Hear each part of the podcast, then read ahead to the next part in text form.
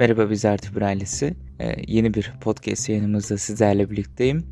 Ee, öncelikle bir şey belirtmek istiyorum. Ee, saat şu an e, gecenin 1.35'i. Ee, Ayşe arkadaşım e, odasında uyumakta ve bu yüzden sesim diğer podcastlere göre biraz daha alçak olabilir. Öncelikle bunun için özür diliyorum. Ama bu podcast'i e, çekmeyi istediğim için bu şartlar altında da yapmayı göze aldım. E, yavaştan podcast'e geçiyorum. Hepinize iyi dinlemeler.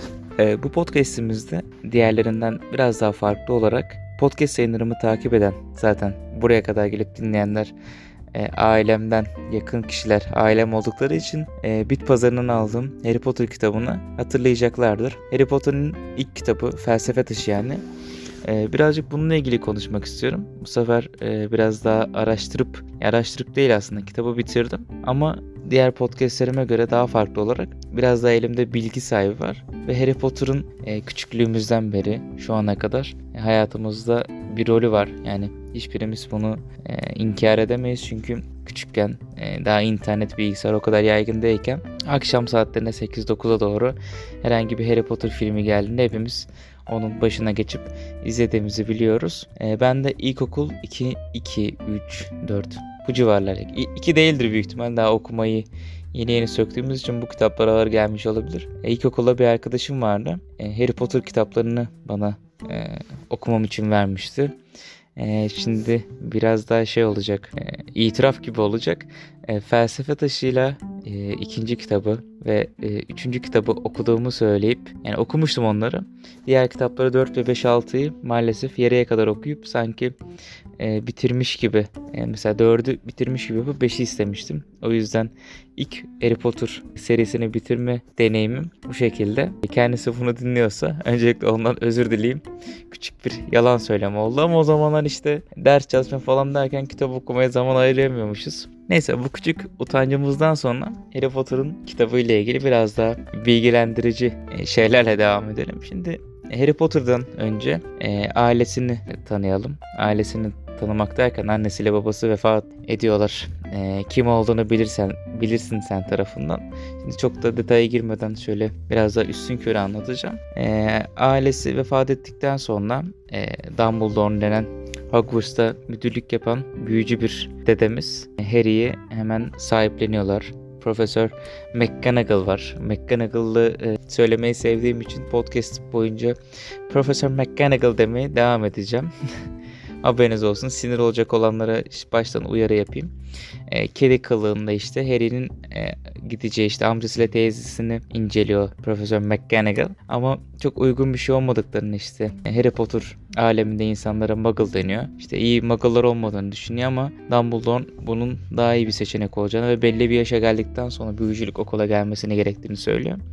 İşte amcasıyla teyzesi çok iyi insanlar değil. Çocukları var işte Dudley diye. Tam bir obez her zaman her zaman işte hayatınızın bir döneminde belki karşınıza çıkmış işte şişman ailesi tarafından e, çok el üstünde tutulmuş hiçbir şey işte hayır denmemiş o çocuklar vardır. Harry'e biraz işkence ediyor karakter e, yapısını oturtmasına yardımcı oluyor diyebiliriz aslında Dudley. E, Private Dry denen bir sokakta yaşamaktalar. Harry ile birlikte Harry işte her hatırladığınız kadarıyla ya da ben anlatmaya devam edeyim. Merdiven altında bir yerde yaşıyor işte ışığı yoktur karanlık. Dudley hatta e, merdivenden yukarı çıkarken bilerek zıplayarak ki Harry toz içinde kalsın. Utanmaz, ahlaksız, şeref yoksunu bir çocuk olduğu için e, böyle şeylerle devam ediyorlar. Harry belli bir yaşa geldikten sonra e, büyücülük okuluna davet ediliyor. Ama amcasıyla teyzesinin kendilerine verdikleri bir söz var. Yani saçma sapan ailesi sonuçta büyücü bir çocuğun yani ne yapacaksınız? İmam hatibe verip şey mi Kur'an mı okusun bu çocuk imam mı olsun? Neyse işte gelen mektupları Harry'nin ulaşmasına izin vermiyorlar. Aslında Harry mektubu görüyor ama hiçbir şey anlam anlamadan amcası eli koyuyor işte. Sonrasında işte 10 e, tane daha mektup, 100 tane mektup derken işte e, bir yerlere kaçıyorlar ama mektuplar gelmeye devam ediyor. En sonunda e, Hagrid denen benim en sevdiğim karakter bile diyebileceğim abimiz geliyor. İşte onlar evin içindeler. İçeri böyle çat diye giriyor. Sonra diyor ki işte Harry işte küçüktüğünde seni görmüştüm. Şimdi büyümüşsün falan. İşte hadi büyücülük okuluna gidiyoruz. Diyor. Amcasıyla teyzesi diyor ki nereye falan derken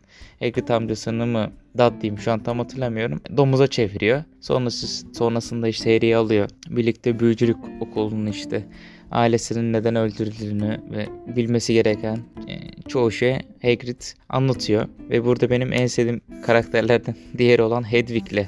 Hedwig'i sahipleniyor diyeyim. Çünkü Baykuş, Baykuş bunu atmayacağım. Hedwig Baykuş. E, Baykuş'un Türk eşya hukukunda eşya olarak nitelendirilmesine rağmen ben Hedwig'in hayvanüstü, insanüstü bir varlık olduğunu inandığım için Hedwig olarak isimlendireceğim. Hedwig ile karşılaşıyor. Beyaz bir baykuşumuz var. Harry'nin o zaman için e-postası diyebileceğimiz e, mesajların, mesajlarını ileten bir e, insan ve hayvanüstü bir varlık Hedwig. E, sonrasında Harry işte yeni yeni büyücülükle ilgili şeyler öğrenirken e, Hagrid'in gitmesi gerekiyor ve ona bir tren bileti sunuyor. Bilette de işte 9 çeyrek termileri mi derin artık oraya gitmesini söylüyor. İşte amcası sağ olsun beyni yerine birazcık geldiği için Harry oraya bırakıyor ama nereye gideceğini söylemiyor. İşte 9 var 10 var ama 9 3 çeyrek yok. Neyse sonra işte e, sonradan çok yakın olacağı e, Ron'la birlikte Ron'un ailesi onu gösteriyor yolu ve birlikte Ron'la tren yolculuğu yapıyorlar. Bu sırada Hermione ile de Hermione de e, Harry'nin yakın arkadaşlarından biri. Yani film ve kitabı takip edenler için söylüyorum. Bilmeyenler için hatırlatıyorum. Orada tanışıyorlar ama e, Hermione'yi çok ilk başta ısınamıyorlar çünkü çok bilgiç tavırlı bir e, kız çocuğu kendisi. Çok zeki bir kız aslında. Ama ilk başta tabii hepimize böyle çok bilinmiş kişiler çok iyi gelmezler. Neyse işte okula gidiyorlar. Okulda da e, üçü Gryffindor denen işte dört farklı bölüm var Hogwarts'ta. İşte Gryffindor'dur, e, Slytherin'dir falan iki tane daha var. Hufflepuff'la bir tanesi var diğerini hatırlamıyorum şu an. Gryffindor'u seçiliyorlar. Gryffindor cesaretiyle ünlü. İşte e, Dumbledore'un da hatta Gryffindor'dan çıkma bir büyücü. İyi büyücüler yetiştiren bir sınıf diyeyim artık. Dört sınıf ayrıldıklarını söyleyelim. Profesör McGonagall da Gryffindor. O yüzden iyi bir yere geç, seç, seçildiklerini söyleyeyim. Bunları seçmen şapka seçiyor. Seçmen şapka biraz da Slytherin'den bahsedeyim. Onlar kötü taraf.